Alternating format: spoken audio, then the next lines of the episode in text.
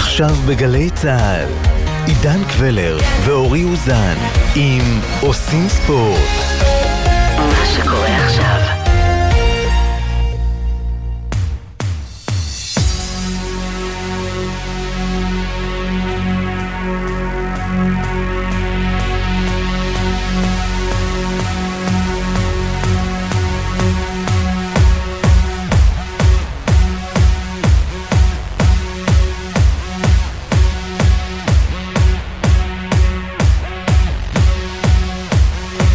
אחת וארבע דקות, עושים ספורט בגלי צה"ל.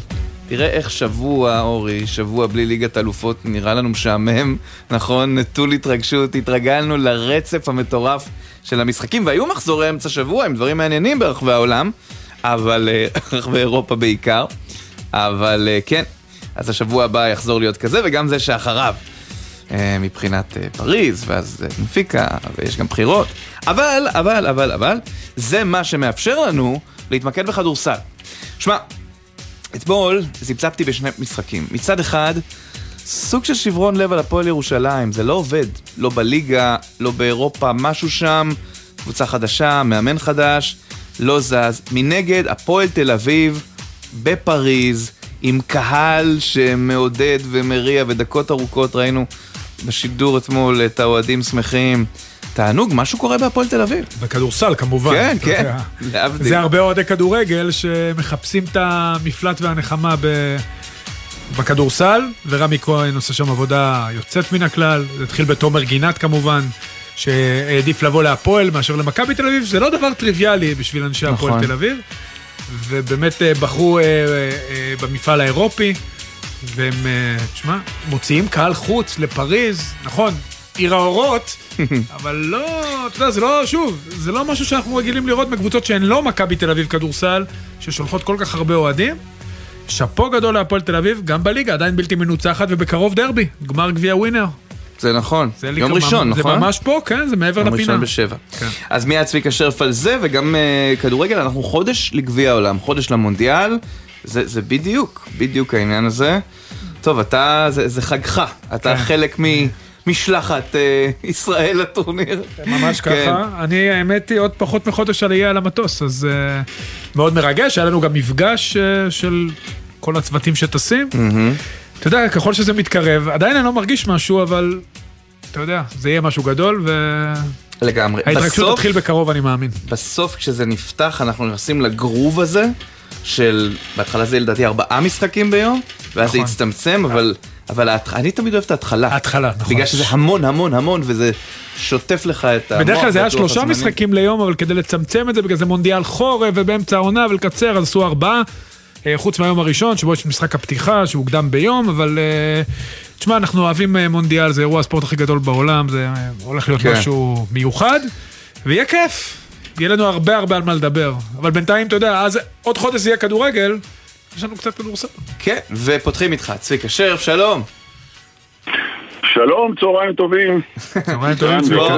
אה, אנחנו נדבר על כמה דברים היום, נדבר על הפועל ירושלים, מכבי תל תן לי אביב. לדבר גם בסוף על כדורגל, יש לי שאלה לאורי. אוקיי. חופשי, אתה יודע שאני וצביקה מדברים פעמיים בשבוע באופן אה, בדיוק. די קבוע. כן. אז רגע, אתה רוצה להתחיל או בסוף? מה אתה מעדיף. צביקה? אוקיי, בסוף. לא, לא, העניין הוא מאוד מאוד פשוט לי, Mm. כי- כי גם בכדורגל וגם בכדורסל הם לא מתחשבים בשחקנים ולא מתחשבים במאמנים. אם בעוד חודש מתחיל אליפות העולם, בימים כתיקונם כל הנבחרות היו היום נמצאות במסע הכנה ומחנות אימון נכון. אני יודע שיומיים לפני או שלושה ימים לפני המשחק הראשון עוד, עוד תיערך הליגה האנגלית והליגה הספרדית. איך מאמן יכול להתכונן? הוא לא יכול. זהו, המשחקי ההכנה- המשחקי ההכנה האחרונים היו, אה, אתה יודע, אה, נו, באמת, זה לא רציני. נכון, אבל אתה יודע, זה לא רציני. צביקה, מונדיאל בנובמבר לא היה מעולם, יש לזה סיבות אני מניח, אתה יודע, כן, לכאורה, כולם יודעים את הסיבות. זהו, לכאורה יש סיבות, ו... כן, ההכנה היא לא אידיאלית, אבל בסוף אתה יודע שיגיעו ל... לרגע שמה, אף אחד לא ישאל שאלות ולמה וכמה, כולם לא, ירצו לראות אף את... אחד גם לא ירחם על המאמנים. לא ירחם עליהם ולא כלום, ודרך אגב, עכשיו המון שחקנים מפחדים להיפצע, אנחנו רואים שחקנים שכבר מפסידים את המונדיאל, אה, אז כאלה שבספק, כמה נפצעו. וכמה נפצעו בדיוק, אז... אה, אני ראיתי השבוע את רישרלסון בוכה, בוכה, רישרליסון, כן, כן, כן. עם כן. דמעות. תשמע, בשביל האנשים האלה זה אה, יותר מהקבוצה, אין מה לעשות, זה עולם ומלואו. בוא נקווה טוב, שכמה שפחות ייפצעו. יאללה, בוא לכדורסל. צביקה, אני רוצה להתחיל איתך במשהו שבעיניי הוא תופעה, כי לדעתי עשורים לא נתקלנו בזה, וקוראים לזה הפועל תל אביב באירופה, נכון? זה היה, זה היה די נפלא מבחינתם אתמול. תראה, הפועל תל אביב הלכה הרבה מאוד שנים על אה, כל מיני עקרונות ואידיאולוגיות שמנעה ממנה אה, כל מיני דברים שהליגה הישראלית אה, רצה לתת לה. כולל ויתור על עלייה כשהם היו מקום שני בליגה וכל מיני סיפורים. כנ"ל לגבי כמות הזרים, כנ"ל לגבי השתתפות באירופה. היא עשתה ש... השנה צעד מאוד מאוד מאוד מאוד נכון כשהיא נרשמה ליורו קאפ כי כאן אתה יודע, המינהלת לא תומכת בקבוצה שמשחקת ביורו-קאפ, או כן עכשיו תומכת, ולא לפי המיקום בליגה. והיורו-קאפ הוא מחפש קבוצות שיש להן פוטנציאל, ושיש להן אופק, ושיש להן קהל, אה, וגם דרך היורו-קאפ כביכול אפשר להגיע ליורו-ליג. והנה, הם התחילו בשני משחקים נגד קבוצה מלונדון ונגד קבוצה מפריז אתמול, שזה שתי קבוצות ש... הכדורסל, מוסדות הכדורסל כבר הרבה מאוד שנים רוצות אה, שייכנסו ליורוליג כי הם טוענים שלהקים קבוצת כדורסל בפריז שתשחק ביורוליג ולהקים קבוצה בלונדון שתמשוך קהל כי זה שווקים גדולים ושווקים מסחריים גדולים וכל הסיפורים האלה. אבל בינתיים הקבוצות האלה מקצועית לא מצליחות אף פעם להתארגן לא בלונדון ולא בפריז כי הם לא ערים של כדורסל. הם ערים של כדורגל ובזה אורי יסכים איתך עוד לפני שהתחלת. כן, כן, אני מסכים כן, איתך, כן. אבל צבי- אבל צביקה, אבל היה יפה כל כך לראות, אתה יודע, כן. משהו ממש טוב קורה בהפועל תל אביב, זה לא רק היורו-קאפ, אתה יודע, זה... שמע, האוהדים נכון. שלהם הזכירו לי את חיפה בכדורגל. ממש 600 צופים בפריז וחגיגה נכון. ואדום, זה, אני חושב, רק, זה... רק, רק הם עשו את המסך עם עשן ובקושי ראו את המשחק, אבל בסדר. תראה, אני שידרתי בשבוע שעבר את המשחק הראשון של הפועל תל אביב בדרייבין, האולם היה מלא, לא היה קהל יריב, לא היה עם מי לריב, היה, היו עסוקים רק בעידוד הקבוצה שלהם, והייתה חוויה. אז אה, רק שזה ימשיך ככה, וכמו שאמרת קודם, אור, יש דרבי ביום ראשון. בדיוק, שם, שם אה, יש עם מי לריב דרך אגב, שם יש עם מי לריב, זה? הבעיה. השאלה אם הריבים מהכדורגל יעברו גם לדרבי הזה בכדורסל. אה, יש ריבים, אולי הם פחות... אה, מה שקורה בכדורגל מתלווה התסכול של הבעיות, של הרמה של הפועל תל אביב נכון. ו- וכל המלחמות עם ההנהלה, שבכדורסל אינם, ובכדורסל יש להם עכשיו קבוצה טובה ותחרותית, ומכבי עוד לא מתעסקים עם הדרבי כי הם מתעסקים עם המשחק של היום נגד וילרבן, אבל ממחר יצטרכו להתחיל להתעסק עם הדרבי. חבל שזה נערך אה, במגרש קטן, כי לדעתי היום אפשר היה אה, לעשות את זה במגרש יותר גדול, אפילו ביד אליהו, אפילו, אני לא יודע, בארינה בירושלים, אפילו אה, בחיפה, אפילו בחולון, אבל אה, מכל מיני סיבות זה נשאר באולם הקטן בחדרה. אה, זה מה יש. כן, אבל יהיה כדורסל טוב, זה מה תכף. נגיע למכבי תל אביב, צביקה, אבל אני רוצה לעבור איתך בדרך לשם בירושלים. אני חייב לומר, סליחה שאני מתפעט מדי, אבל ראיתי את הפועל ירושלים אתמול, וזה בהמשך לתצוגת הנפל שלה בליגה, זה- זה זה שובר לב, בטח באירופה, להפסיד ללודוויגסבורג. לא רק, לא רק להפסיד, 4.2 אחוז משלוש. כן. אחד מ-24, אני לא, אני לא זוכר נתון כזה, צביקה, אתה יש לך זיכרון יותר טוב ממני. לא, אני לא זוכר נתון כזה, אבל תראו, אותי קודם כל זה לא מפתיע. וואלה. בשנים האחרונות, בעיקר מאז שאורי אלון עזב, אה, הפועל ירושלים שנה אחרי שנה, אה, ככל שהיא מגיעה להחלטות המקצועיות והארגוניות מקצועיות, אה, היא עושה החלטות לא טובות, אפילו שגיאות, וככה היא מידרדרת ומידרדרת ומידרדרת. איזה מניה של מאמנים זרים שלא מתאים, לא מצליחים פה ולא מתאימים פה, אבל גם בדרך אה, כמה מאמנים ישראלים שלו, שנה שעברה הביאו את אורן עמיאל ובתקופה הזאת אחרי תחילת עונה כזאת העיפו אותו הביאו פה מאמן סרבי, אה, כביכול נתנו לו, לא כביכול, נתנו לו את כל ההחלטות, וכל ההחלטות שלו רעות. בניית קבוצה רעה, החתמת שחקנים רעה, אה, ניהול משחקים רע, ניהול סגל רע, אה, ואלה התוצאות. אתמול זה היה מחמיר לב, אני מודה. וזה לא היה נגד איזה קבוצה יוצאת דופן שצריך להפסיד לה. גם את המשחק הראשון שניצחו 2-0 שדרוש הפקה, זה היה בניסים ונפלאות. בליגה, אני, אני, אני מודה שהתעוררתי ביום שבת בבוקר, אני לא זוכר, אה, מישהו אה, אמר לי שלמשל המאמן הסרבי החליט שהוא לא מלביש את הנקין, שהוא הסנטר היחידי שיש להם למשחק בהרצליה. אז אמרתי, הם הפסידו את המשחק עוד לפני שהוא התחיל. אני לא מבין את ההחלטה הזאת, להגיע לשחק בהרצליה. עכשיו, כל מיני דברים לא ברורים אה, קורים שם. כל מיני חילופי שחקנים, כל מיני החלטות מקצועיות, אה, ניהול משחק לא טוב, אה, אגדות על משחק קבוצתי שנבנתה קבוצה לפי הפילוסופיה של המאמן. הלו, יש 24 שניות, ובתוך ה-24 שניות האלה מישהו צריך לזרוק לסל. מספיק עם האגדות על משחק קבוצתי, ו... נכון, כדורסל הוא משחק קבוצתי, גם כדורגל הוא משחק קבוצתי. אבל צריך שיהיה סנטר, וצריך שיהיה רכז, וצריך שיהיה תרגילים, וצריך שיהיה תנועה, וצריך שיהיה הגנה. לא יודע מה להגיד לכם. זה ניתן לתיקון, כי שנה שעברה אלפרין הגיע וזה נראה קצת יותר טוב, למרות שזה לא הסתיים הכי טוב מבחינתם. תראה, אה, אני לא יודע, בינתיים אה, אומר, אמר חומסקי בתחילת השנה, היום לא שמעתי אותו מדבר בשבוע, שבועיים, שלושה האחרונים, שלא היה דבר כזה אה, שהמאמן הזה הוא ליגה אחרת. אני לא יודע. לא יודע אם אלפרין שמה, אני לא יודע מה תפקידו היום בכוח, אפילו לא מכונה כמנהל מקצועי. אה, ברור שיצטרכו להחליף שחקנים, יותר משחקן אחד לדעתי. אני לא מבין את הגישה של להביא... אה, אה, שחקן, אני לא רוצה להיות גזעני כביכול להישמע, אסטוני ולטבי שהם לא שחקנים ברמה גבוהה, לליגה שיש לה אוריינטציה ישראלית-אמריקאית. זה מאוד מאוד קשה. מעניין.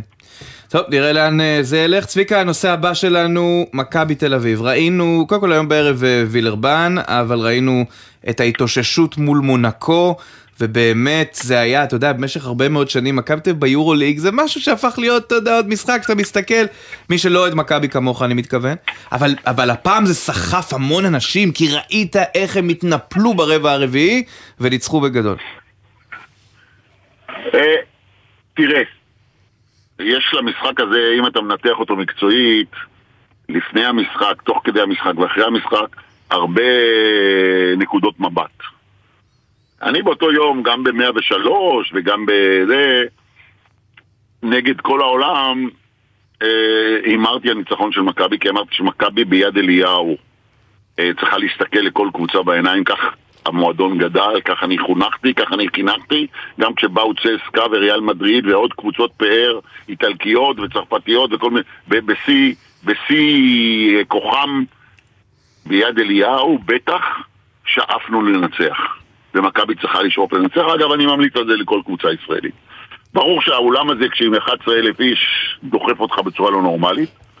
תחילת המשחק הייתה רעה מאוד, ואז קטש נטש את כל התוכניות המקדימות שלו, אה, הלך על הרכבים שהוא לא תכנן אותם קודם, והתחיל הטירוף, והתחיל ההגנה, והתחיל חטיפת הכדורים, והתחיל הקליעות של בולדווין, וההצגה הנהדרת של סורקין ושל ג'ון די, והבא הניצחון הזה. עכשיו הניצחון הזה הוא לדעתי יכול להיות נקודת מפנה, כי עדיין לקבוצה יש בעיות, עדיין לקבוצה יש מגרעות, עדיין גם קטש יודע שלמרות שהוא מבקש זמן, אבל אין זמן, שהחלק מהשחקנים שהוחתמו לא, לא, לא נכנסים לעסק הזה.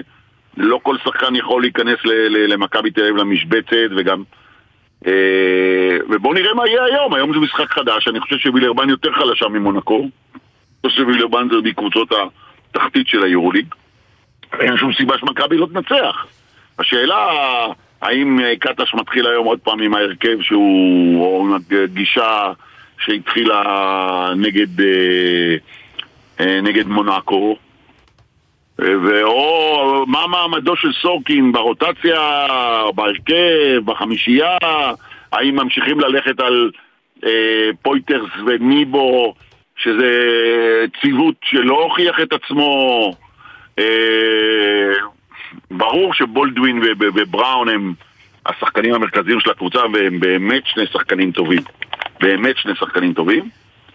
אה, השאלה באיזה עמדה אפשר להוציא את המקסימום מקולסון, כי במשחק הקודם בעמדה שלוש הוא לא היה קיים, ובעמדה ארבע בחצי השני, כשהתחילו אותו בעמדה ארבע, אה, יחד עם סורקין הוא היה חלק גדול מהמהפך הזה. בואו נראה. כן. אה, נאמר רק דבר אחד, שאני חושב שלא רק אה, כלל אה, חובבי הכדורסל בישראל, אבל גם אוהדי מכבי תל אביב עצמם, אה, ואולי אפילו המותג שנקרא מכבי תל אביב, משוועים לכוכב ישראלי, נכון. שייתן עבודה, ובאמת עם סורקין זה היה מרגש, נדמה לי שזה גם מוסיף נכון. לכולם. לצד הצורך להביא נכון. תארים עם שחקנים זרים, או, או מתאזרחים. אבל- נכון, נכון, גם בשנים, תראה, כל אירופה משחקים עם זרים, מספיק עם ההגדה הזאת. כן. גם בהפועל חולון, שקבוצה מצוינת, וגם בהפועל תל אביב, שעכשיו שיחקה אתמול עם שישה זרים, וגם בהפועל ירושלים, וגם בכדורגל לא מסתכלים כל כך, אבל נכון שרוצים כוכב ישראלי. וסורקין, אני חושב שמהיום שהוא הגיע למכבי צריך, והיה צריך לדחוף אותו ולתת לו, אבל עוד פעם באנו לפה, במשחק הראשון נגד ג'לגיריס הוא לא קיבל דקה. אה, בשבוע שעבר בפנרבכצ'ה הוא נכנס עוד פעם כשהמצב היה אבוד והיה לו דקות לא רעות וצריך אולי לעשות חישוב מחדש על המעמד שלו ברוטציה. לגמרי, לגמרי, וזו התקווה בהקשר הזה. תודה רבה צביקה, תודה, צביקה. חבר'ה, היה כיף. להתראות. גם לנו. ביי. עכשיו, לכדורגל, ואליך דור כוכב, שחקן סקציית נס ציונה, שלום דור. שלום, צהריים טובים. קודם כל, סחטיין שאתה איתנו, אתם כרגע במקום האחרון בטבלה וזה לא מובן מאליו, אבל אני דווקא רוצה להחמיא לכם, כי נדמה לי שכולם מחמיאים לכם. אתם אמנם במקום האחרון, אבל אתם לפחות... מנסים באים- לשחק כדורגל. כן. אתם באים לשחק כדורגל, אתם מבינים מה המקצוע שלכם אומר, שזה בעיקר לשחק כדורגל, זה בניגוד, למשל לחדרה, שבסדר, אני מבין, צריך להתגונן מול מכבי חיפה, ויכול להיות שבגלל זה אולי דור אתם הפסדתם למכבי חיפה בסוף 3-1, אבל, אבל נכחתם, הבקעתם, זה מה שגם חדרה לא עשו. אז אה, איך אה, מבחינתך זה? תראה, אני פחות מעדיף להתייחס לחדרה, אני ברור, מעדיף יותר. להתייחס אלינו. ברור. אני מעדיף יותר להתייחס אלינו, ואני חושב ש... אה, אנחנו היום במחזור השמיני, אה, התחלנו את העונה בשלושה... ארבע- ארבעה הפסדים. כן. נכון. הפסדים, משחקים קצת פחות טובים. יכולת גם מבחינת אה, סדר קצת וארגון במגרש, לקח לנו טיפה זמן להתחבר, וזה טבעי כשקבוצה נבנית ככה מחדש, קבוצה שהיא עולה חדשה, עם שחקנים זרים, עם שחקנים באמת גם ישראלים חדשים. אני חושב שבאמת נקודת המפנה הנוכחית שלנו הייתה אה, בסמ, דווקא בסמי עופר, אה, כשכן הגענו אה, וניר אמר לנו כל השבוע שאנחנו באים לשחק את המשחק שלנו, אנחנו לא נתאים את עצמנו למכבי חיפה ולא נבוא ונשחק בשיטה שונה ומה שנקרא להחנות את האוטובוס, נבוא לשחק את הכדורגל שלנו, ננסה ללחוץ את מכבי חיפה. אני חושב שמחצית ראשונה זה עבד באמת בצורה טובה, גם בגלל שהם עשו ניהול עומסים ועלו עם הרכב קצת פחות חזק. אבל באמת, גם ההפסד הזה, אני חושב שיצאנו בהרגשה טובה. שבוע אחרי זה כבר אה, ניצחנו את הפועל תל אביב. אה, אספנו עוד שתי תוצאות תיקו, גם נגד נתניה, גם נגד הפועל באר שבע. אנחנו מרגישים שזה מתחיל קצת להתחבר. נכון שעם מחמאות אנחנו לא הולכים למכולת, אנחנו צריכים להביא נקודות. אה, ואנחנו מדברים על זה ואנחנו יודעים את זה. דור, סומנתם כאוהדת בטוחה, אני חושב שכמעט על ידי כולן, כולם, אבל אה, אתה יודע, בסך הכל באמת, היכולת טובה, נכון, אתם במקום אחרון, אבל אתם גם מאוד קרובים וגם היכולת טובה.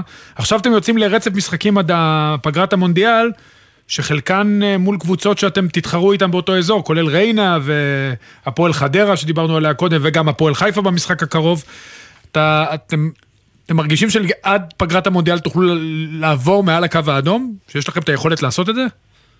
קודם כל כן, אנחנו מאמינים מאוד בעצמנו, אני חושב שיש שחקנים מאוד איכותיים בנס ציונה. אה, מועדון באמת, קודם כל אה, אין לחץ, אנחנו לא מרגישים שום לחץ למרות המיקום כרגע, האווירה היא מצוינת באימונים. גם הצוות המקצועי מקרין באמת שקט, אה, המון ביטחון לשחקנים. אני חושב שממשחק למשחק אנחנו גם נראים יותר טוב וגם אנחנו מקבלים יותר ביטחון וכן, ההגרלה זה לא סוד, יש לנו כרגע הגרלת משחקים שאנחנו אמורים לבוא ולהוציא בנקודות למרות שגם אם היית אומר לי עכשיו יש לנו עוד פעם את באר שבע בטרנר גם לפני המשחק אמרנו, אנחנו כרגע במקום האחרון, אנחנו צריכים נקודות, פחות משנה לנו נגד מי, אנחנו צריכים לבוא ובאמת אה, להרים את עצמנו אה, לגבהים כדי באמת להביא, להביא נקודות ולהרים את עצמנו גם בטבלה. איך זה, אתה יודע, אתה גדלת במכבי חיפה, אני עוד מעט אדבר איתך על מכבי חיפה, אבל אפילו אה, כשעלית לבוגרים הייתי שם, אבל אה, איך זה להיות פתאום במועדון, ממועדון מכבי חיפה כל כך מקושר, מתוקשר, למועדון כמו שאמרת, שאין קהל, במובן מסוים זה טוב כי אין לחץ, אבל גם במובן אה, מסוים זה פחות טוב, כי אין מי שידחוף אותך לפעמים ברגעים שאתה צריך את הקהל שידחוף אותך מאחורה. זה נכון, תראה, קודם כל יש איזושהי סוגיה עם אה, סביב האיצטדיון, אנחנו מארחים באיצטדיון המושבה. נכון. אה, כשהאיצטדיון בנס ציונה לא מאושר והייתה איזושהי, היה איזשהו ניסיון שנערך בראשון לציון וזה לא צלח כרגע, אז אני חושב שזה גם קצת אה, גורם לאוהדים שלנו, של נס ציונה, שכן קיימים, פחות להגיע, אמנם לא במספרים כמו, כמו שאתה יודע, אני גדלתי במועדון אה, שהיום מספר אחד בארץ אה, עם, עם קהל אדיר. שכן, זה חשוב, תשמע, ברור שזה חשוב, יש דקות ורגעים במשחק ומומנטומים שקהל אה, מרים אותך ודוחף אותך, וגם הפוך. אז אה, אתה יודע, אז, אה, אפשר להסתכל על זה בשני הצדדים, לטובה ולרע. תגיד, כשאתה מסתכל, מסתכל היום על מכבי חיפה, שאתה אמרת שאתה, זה מועדון שאתה קשור עליו מן הסתם, כל אחד זוכר איפה הוא גדל, ויש שם שחקנים גם שגדלת איתם בנוער, קפטן לדוגמה, איך אתה, אתה יודע, איך אתה רואה את ההצלחה שלהם מהנקודת מבט שלך?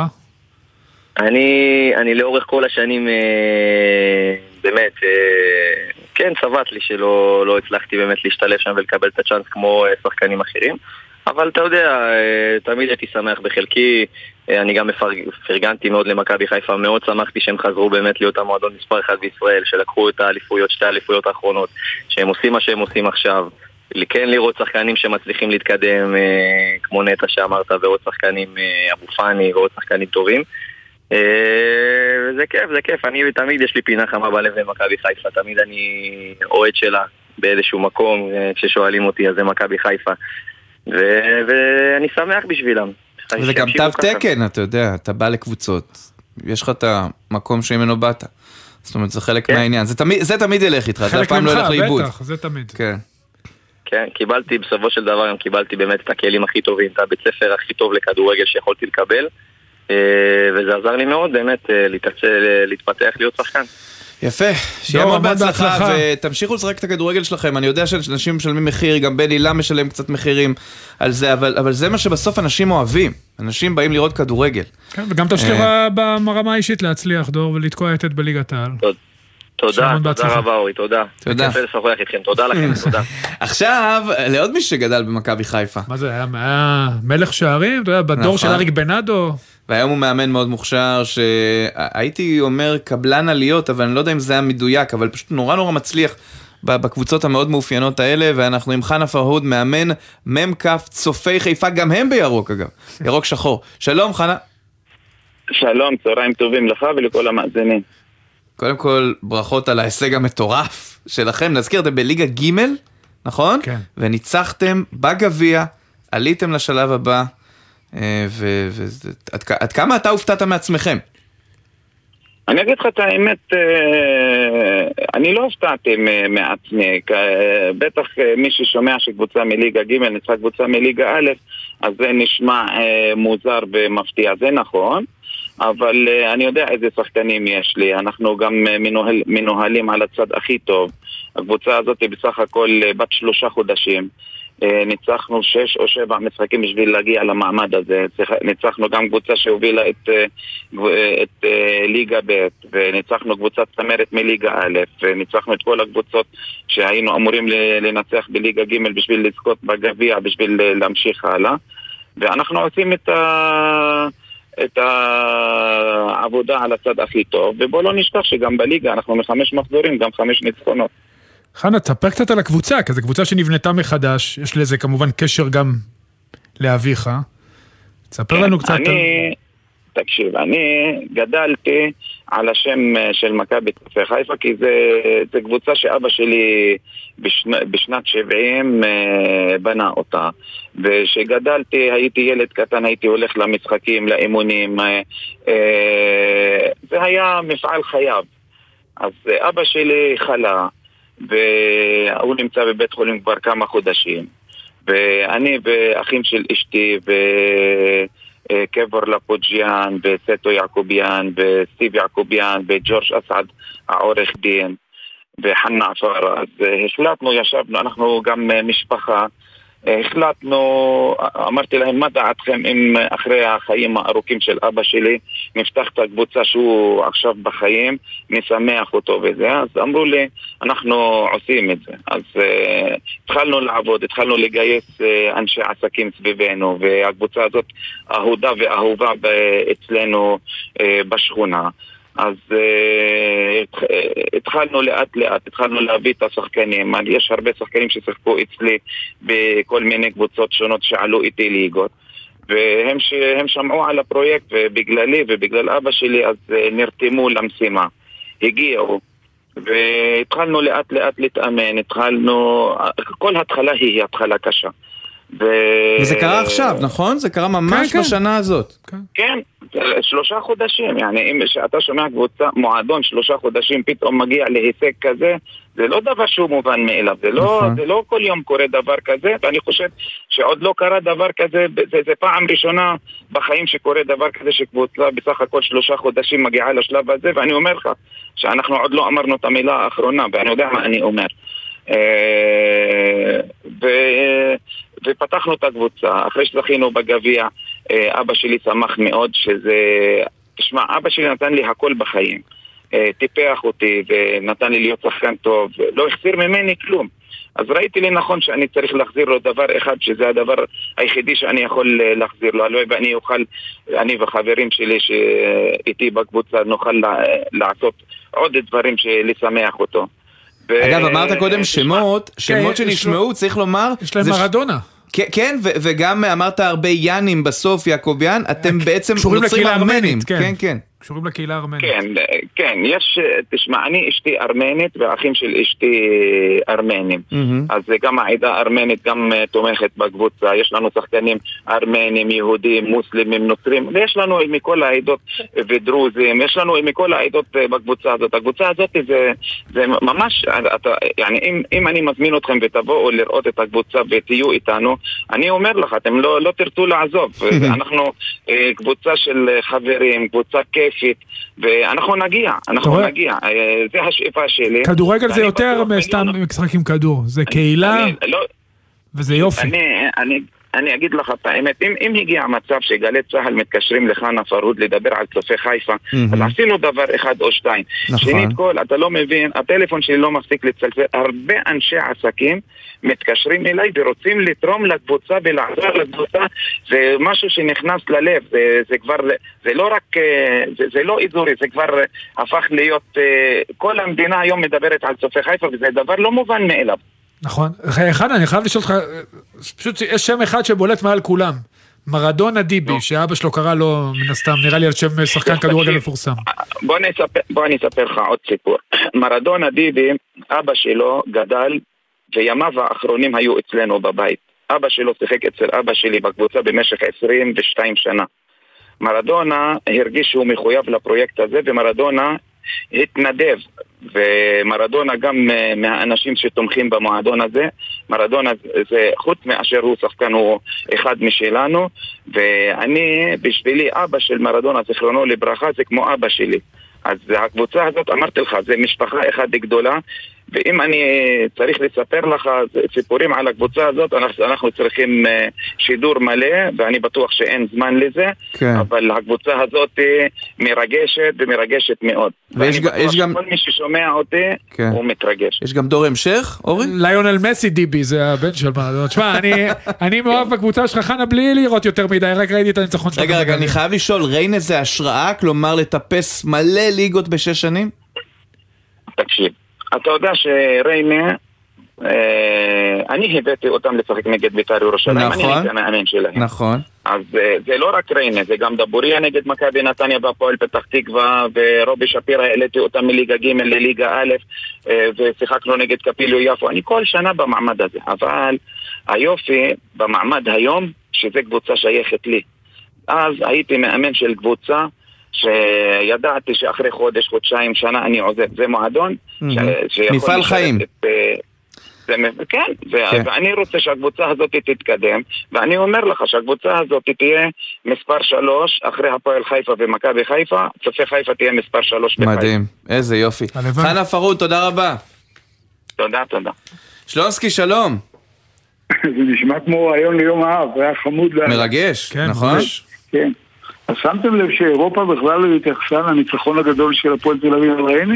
כלום, עבר ב... על ריינה לא, אבל אירופה ראתה את לא. אוהדי הפועל כדורסל אתמול חוגגים בפריז, כן, זה לא, הסיפור. שמעתי, נכון. לא, אני רק אומר לך על הפועל תל אביב, שאם אתה עושה בשרשור, כן. אז מכבי חיפה ניצחה את יובנטוס, שהפסידה לריינה, שהפסידה להפועל תל אביב.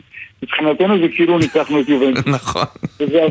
וזה עבר, בשקט, לא ראיתי איזו התייחסות באירופה. כן, הכדורסל זה סיפור, אני לא רוצה לחזור, מה שאמרתם זה חגיגה גדולה, זה קהל טוב, גם למכבי תל אביב קהל טוב, בסדר גמור. שנתעסק בכדורסל, זה יהיה הכי טוב. אני רוצה לקחת אתכם לסיפור של פסג'ה, על שלושת, הכוכבים שם, שזה לא עובד. שלושה כוכבים ענקים, לא כוכבים, הם מגה כוכבים. כל, כל, כל קבוצת טאלנטים יגידו לך שלא יכול להיות שלושה כוכבים כאלה שמובילים קבוצה, זה לא עובד. זה יוצר אי שוויון ובעיות ו- וחולשה בהגנה כי כל הכסף הולך לשלושה זה הולך לס- לסף פיצוץ, זה ברור לגמרי. הסתכלתי על קבוצות אחרות באנגליה, סתם כדוגמה. אז ארסנל יש להם כוכבים, אבל אלה הם מגה כוכבים. אבל יש שם הרבה פועלים שחורים כוכבים, כולם עובדים קשה.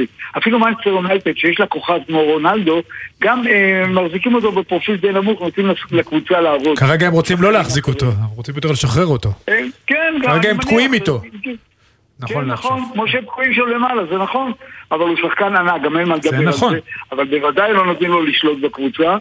ו- ולסיכום אני רוצה לחזור לדבר שכל פעם מפריע לי בעניין של עבר והנבדל. מה שלא אנושי לא יכול לעבור. הסיפור הזה של, אה, להשאיר לעבר את הנבדל הוא בעיניי טעות קולוסלית. זה גורם למרמור ולאי נחת, לא יכול להיות שעשרה סנטימטר או כתף תשפיע על גול. תנו לשופטים לטעות, טעות אנושית מתקבלת. העניין הזה של עבר זה לא אנושי, לא סתם יש לאנשים כל הזמן טענות. עבר עובד במקומות אחרים מצוין, אני מוריד את הכובע, הוא בסדר גמור. בנבדל, בגלל שזה לא אנושי, זה לא יכול להיות. משהו פה לא, אה, אתה מסתכל, הלב נחמץ, אתה רואה דברים גדולים ואז מוצאים עשרה, עשרים סנטימטר. לא יודע, אין איזה פתרון, אף אחד לא עוסק בזה, בעיניי חבל מאוד. זה רעיון, אני מודה שזה רעיון שלי, אבל זה, אה, זה דרך יחידה לפתור את זה, תשאירו טעות אנושית של שופטים, מותר להם לטעות. אוקיי. לפחות בדברים, אני אומר לכם, את- אתם לא- כמוני ראיתם השבוע ב- עם אה, סכנין ובמשחקים אחרים, כן. כל הזמן זה פשוט כואב הלב, כואב הלב, זה הורג את המשחק, זה הורג את חדוות המשחק, זה קשה מאוד. בדרך כלל, כשיש לך אה, ספק, תן לנבדל, תתעלם מהנבדל. זו התפיסת עולם שלי צריכה להיות. ופה זה קשה מאוד. וחוץ מזה, אתה יודע, נחזור לכדורגל, אנחנו אוהבים את הכדורגל, יהיה בסדר. שבת שלום. אה, דיברתם על שבת שלום, דיברתם על גביע העולם? נו. לא מרגש אותי כמו ליגת האלופות, אני מודה, לאורך שנים. אני אני נוטה להסכים, אני רק כן חושב שוב, ברגע שזה ייפתח אנחנו נהיה בתוך זה, אבל אתה צודק שזה... זה- פעם זה היה מרגש כי לא היה משהו אחר. היום כשליגת האלופות היא גדולה יותר... הריכוז השחקנים שם כן. הוא- נורא. בקיצור, שבת שלום. שבת שלום שלונסקי. תודה. מיד חוזרים.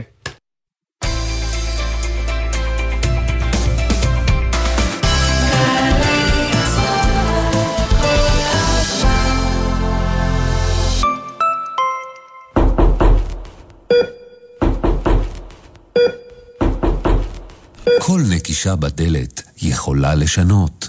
מבצע הקש בדלת של האגודה למלחמה בסרטן. לתרומה, פיתחו את הדלת או תרמו בטלפון 1-800-35-46-46 או באתר וסייעו בהצלת חיים. הפרופסור אריה רטנר, יושב ראש כנס שדרות ונשיא המכללה האקדמית לחינוך על שם קיי בבאר שבע. אני מזמין אתכם לכנס שדרות לחברה וחינוך שיתקיים ב-25 באוקטובר במכללה האקדמית לחינוך על שם קיי בבאר שבע. בואו והשפיעו. שאלות אישיות.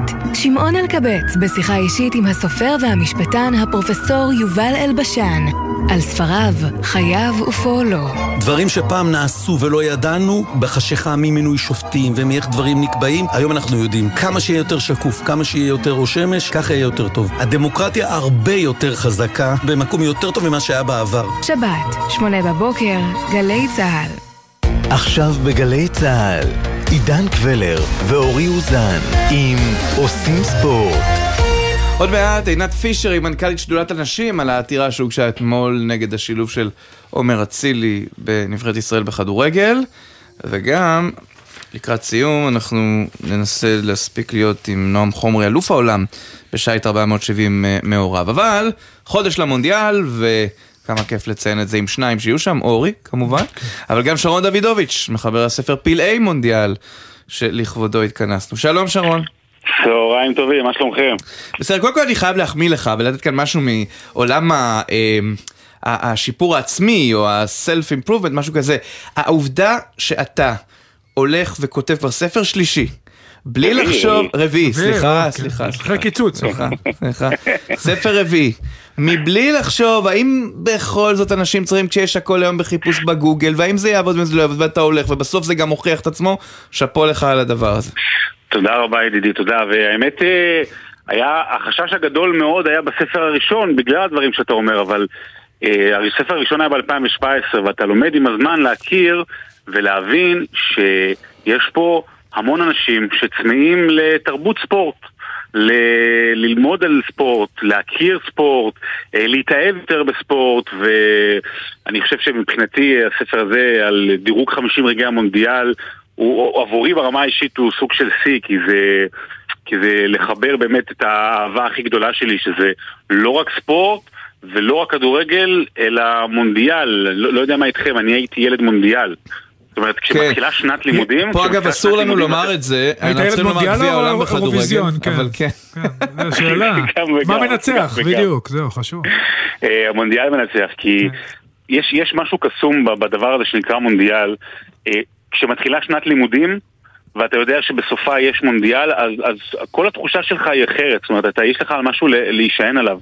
ולא משנה, וזה משהו שלמדתי דרך כתיבת הספר, והנבירה בהיסטוריה, ודברים יותר עתיקים ופחות, שלא משנה כמה הרגע הוא גדול, הייחודיות במונדיאל שזה הופך להיות הרגע הפרטי שלך.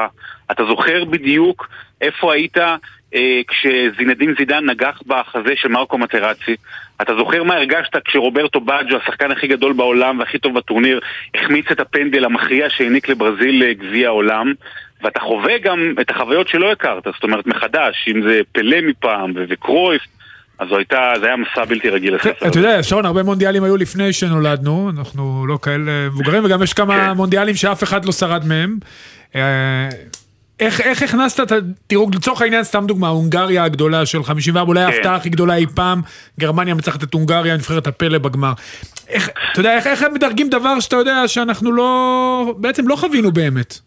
כי אה, קודם כל טוב שאתה, שאתה הולך דווקא על הרגע הזה ועל הזכייה של מערב גרמניה, כי אנחנו לא חווינו את זה, אבל אם יש סיפור אחד שנגע בי כמעט יותר מכל דבר אחר כמעט, זה הסיפור באמת של מערב גרמניה.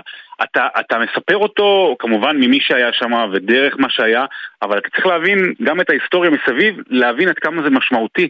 והזכייה של מערב גרמניה ב-54, מלבד העובדה שזו ההפתעה אולי הכי גדולה בתולדות הגמרים, וניצחו את נבחרת הזהב של הונגריה ופושקש וכל זה, שברמה המקצועית שאנחנו יכולים להבין היום עד כמה זה גדול, זה הסיפור שכשאנחנו אומרים יותר מכדורגל, כשאנחנו אומרים שזה משפיע על מדינה, זה הסיפור, זאת אומרת, גרמניה, מערב גרמניה, שאחרי מלחמת העולם השנייה, שמדינה הרוסה, ואולי, ובצדק, אבל, אבל הרוסה ושבורה מנטלית וכלכלית ופיזית, היא מבחינתה רגע התחייה מחדש, מהגרמניה החדשה, זה שם, בשחייה של נבחרת כדורגל, משם היא התחילה את הבנייה שלה מחדש. אז אתה יכול להבין עד כמה זה משמעותי ולשים את זה גבוה למשל בדירוג.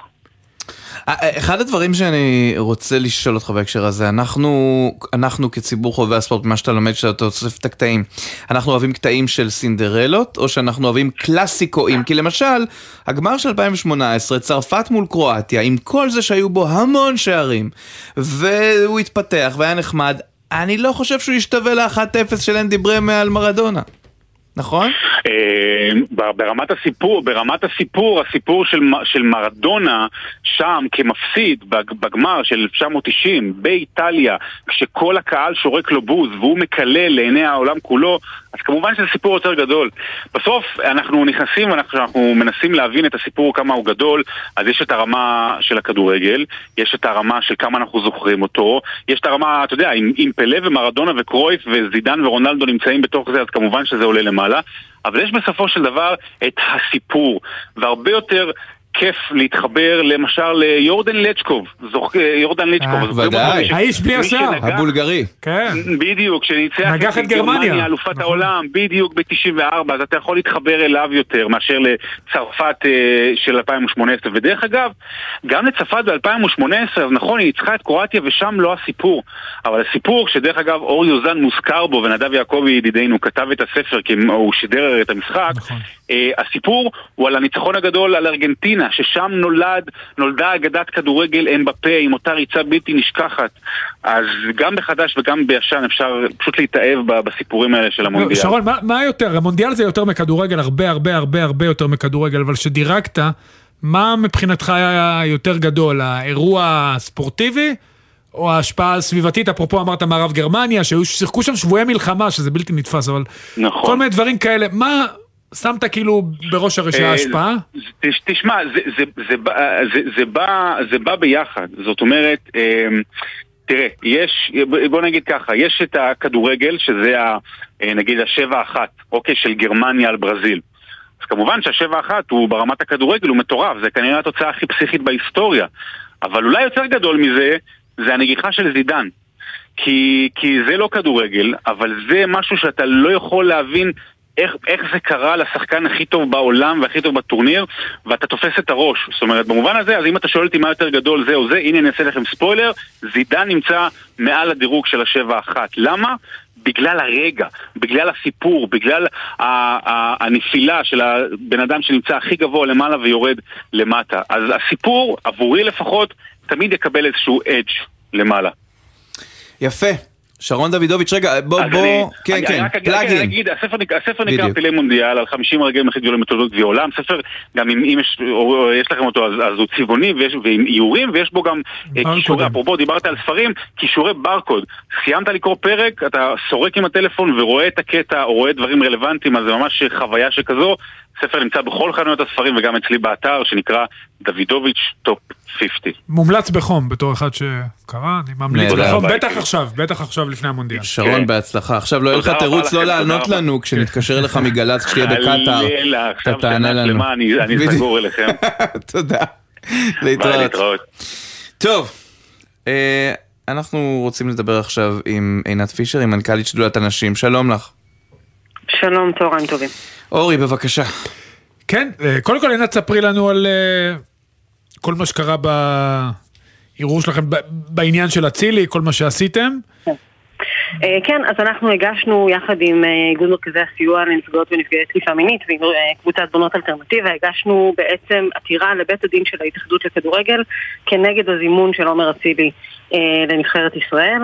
אה, בעצם בשתי טענות מרכזיות, אחת שזה לא סביר, שזה לא סביר שאדם כזה שעשה את המעשים יתנהל באופן שהוא יתנהל וייצג את ישראל במדעי הנבחרת, והשנייה היא אה, בגלל התקנון של ההתאחדות עצמה.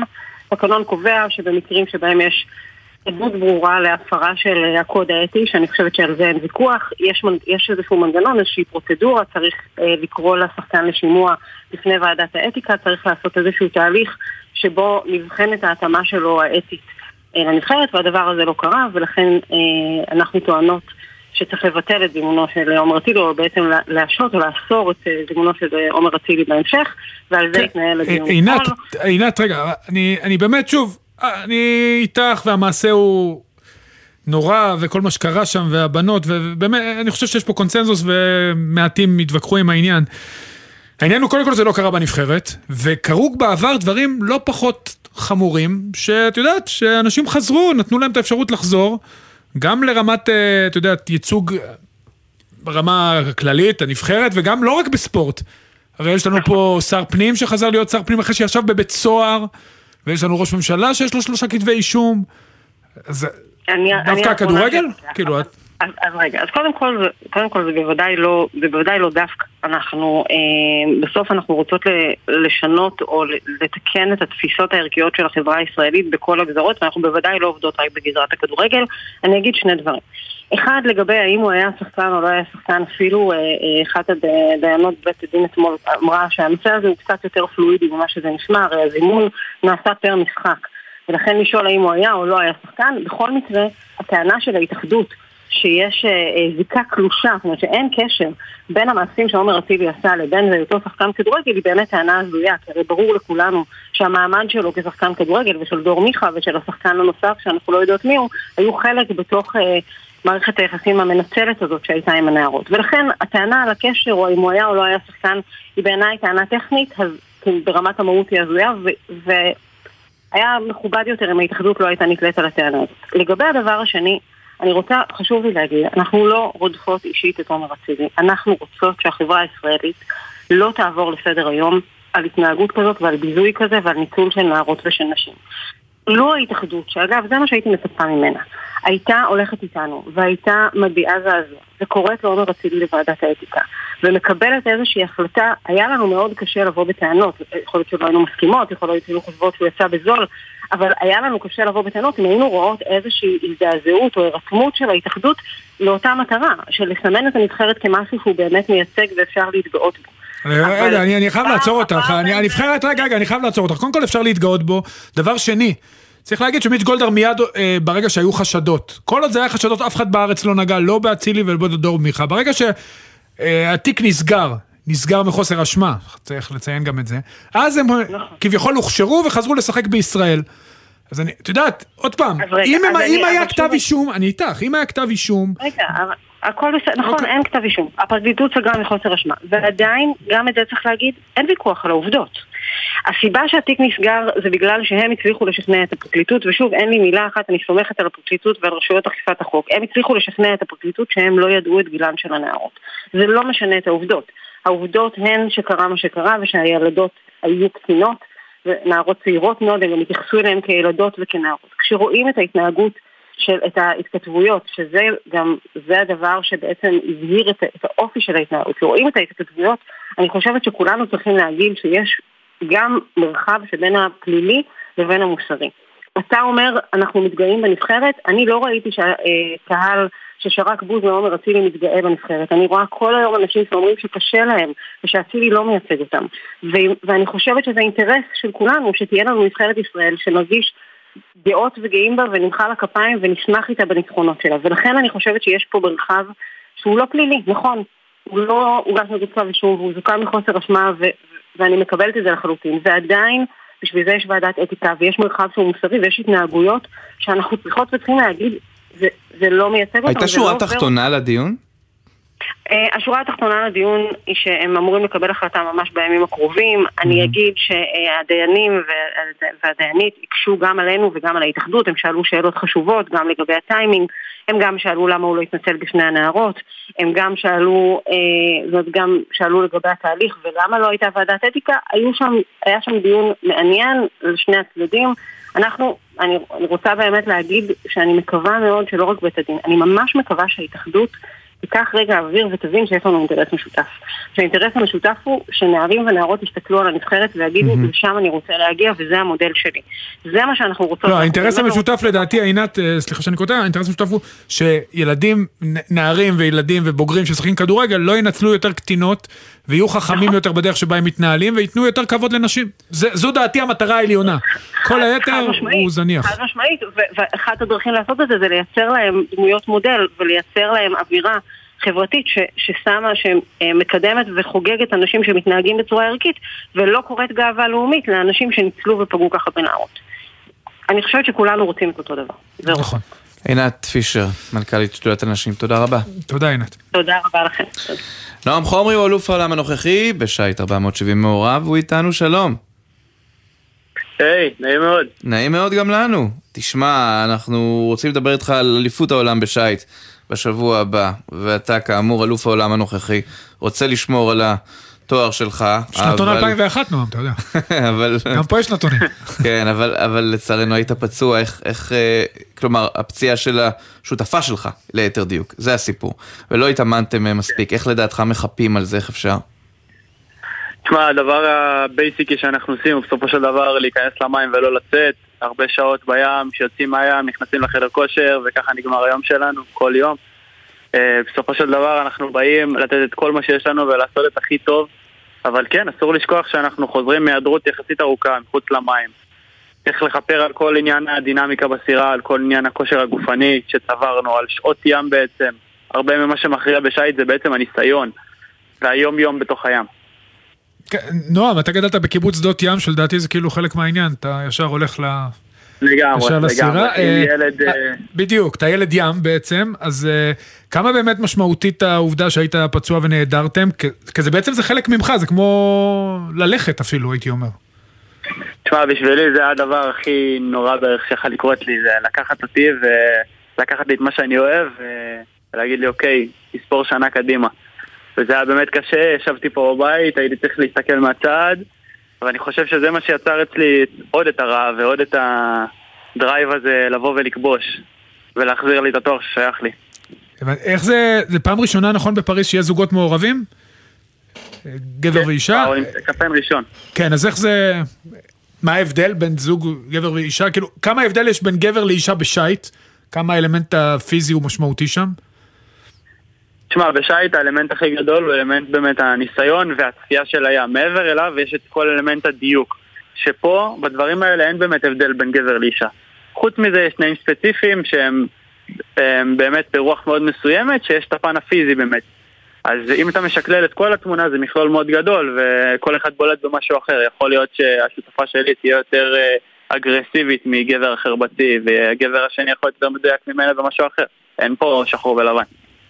מה המטרות באליפות הזאת? כלומר, דיב- דיברנו על זה שאתה רוצה לשמור על התואר שלך, אה, עד כמה לדעתך זה ישים? אמ, תשמע, אין ספק שמה שאנחנו נעשה, אנחנו נעשה את הכי טוב שאנחנו יכולים וניתן את כל מה שאפשר. קשה לשכוח וקשה להתעלם מהעובדה שלא היינו באמת הרבה זמן במים ואנחנו באמת מתאמצים עד אינסוף להשלים את הפער הזה ואני חושב שהמטרה הריאלית שלנו תהיה להיכנס למדל רייס, שזה בעצם העשירייה הראשונה. שהם נכנסים לשיעור המדליות בעצם. ומשהו על אה, בכלל, ענף השיט, כשמסתכלים על האולימפיאדה, מה, מה, הענף שלכם הוא אולימפי כבר? כן. כלומר, אתם. בונים על פריז, אה, כמו שדיברנו, אתה מבחינתך בונה על מדליה שם. אפשר לומר? אני עוד רחוק קצת לדבר על מדליה, ואני כאילו בא מהבית מחינוך מאוד צנוע, אנחנו רוצים בסופו של דבר, בוא, בוא נדבר קרוב למועד. כן, אבל נועם, בכל זאת, אתה יודע, זה היה- חלום ילדות שלך? שאתה ראית את גל פרידמן לצורך. העניין, נכון, זה לא אותו דבר, זה לא אותו... לגמרי, לגמרי. כמו ילד שהולך ורואה את המשחקים של מכבי חיפה, אני הייתי יושב פה ורואה את הנבחרות מתאמנות, ואת גל. פרידמן שהוא השכן שלי וחבר מאוד טוב של אה, המשפחה שלי. הייתי רואה אותו נכנס למים בבוקר ויוצא בערב, וזה הדרך שאני חושב שצריך לעשות, ואני למדתי את זה ממנו. תגיד, זה- זה תחביב שגם אפשר להתפרנס ממנו, או שזה תחביב שרק עולה אה, כסף? תשמע, ברור שבארץ זה יותר קשה מלהיות כדורגלן או כדורסלן, אבל אה, בסופו של דבר ברמות הגבוהות יש תמיכה מסוימת מהוועד האולימפי, כן, זה לא משהו להחזיק איתו משפחה, אבל... אבל אה, לי זה כרגע מספיק. יופי, המון המון המון המון בהצלחה. נועם חומרי, אלוף העולם הנוכחי, בשייט 470 מעורב, בהצלחה באליפות. העולם. תודה. תודה רבה, תענוג. זהו זה, אה, אנחנו מסיימים כאן תוכנית שהחלה בצביקה שרף על הכדורסל הישראלי, אבל עברה אה, דרך כמה סיפורים מעניינים, כמו דור כוכב, חנה פרהוד שריגש אותנו מאוד, עם צופי חיפה. חנה פרוד מאמנת מרדונה, אני חושב שזו הכותרת שלה. כן. ואת ואת מסי, את האבא של מסי הוא גם מאמן. בקרוב את מסי, כן. לגמרי. טוב, העורך שלנו הוא בר שמעון לוי, בצוות עושים ספורט, בר פלג ושילה רוזנפלד, על הביצוע הטכני ניבי רוקר, בפיקוח הטכני אסף סיטון.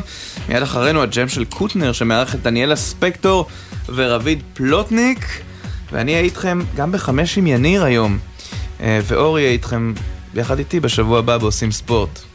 אחלה סופה שלה. להתראות, שבת שלום.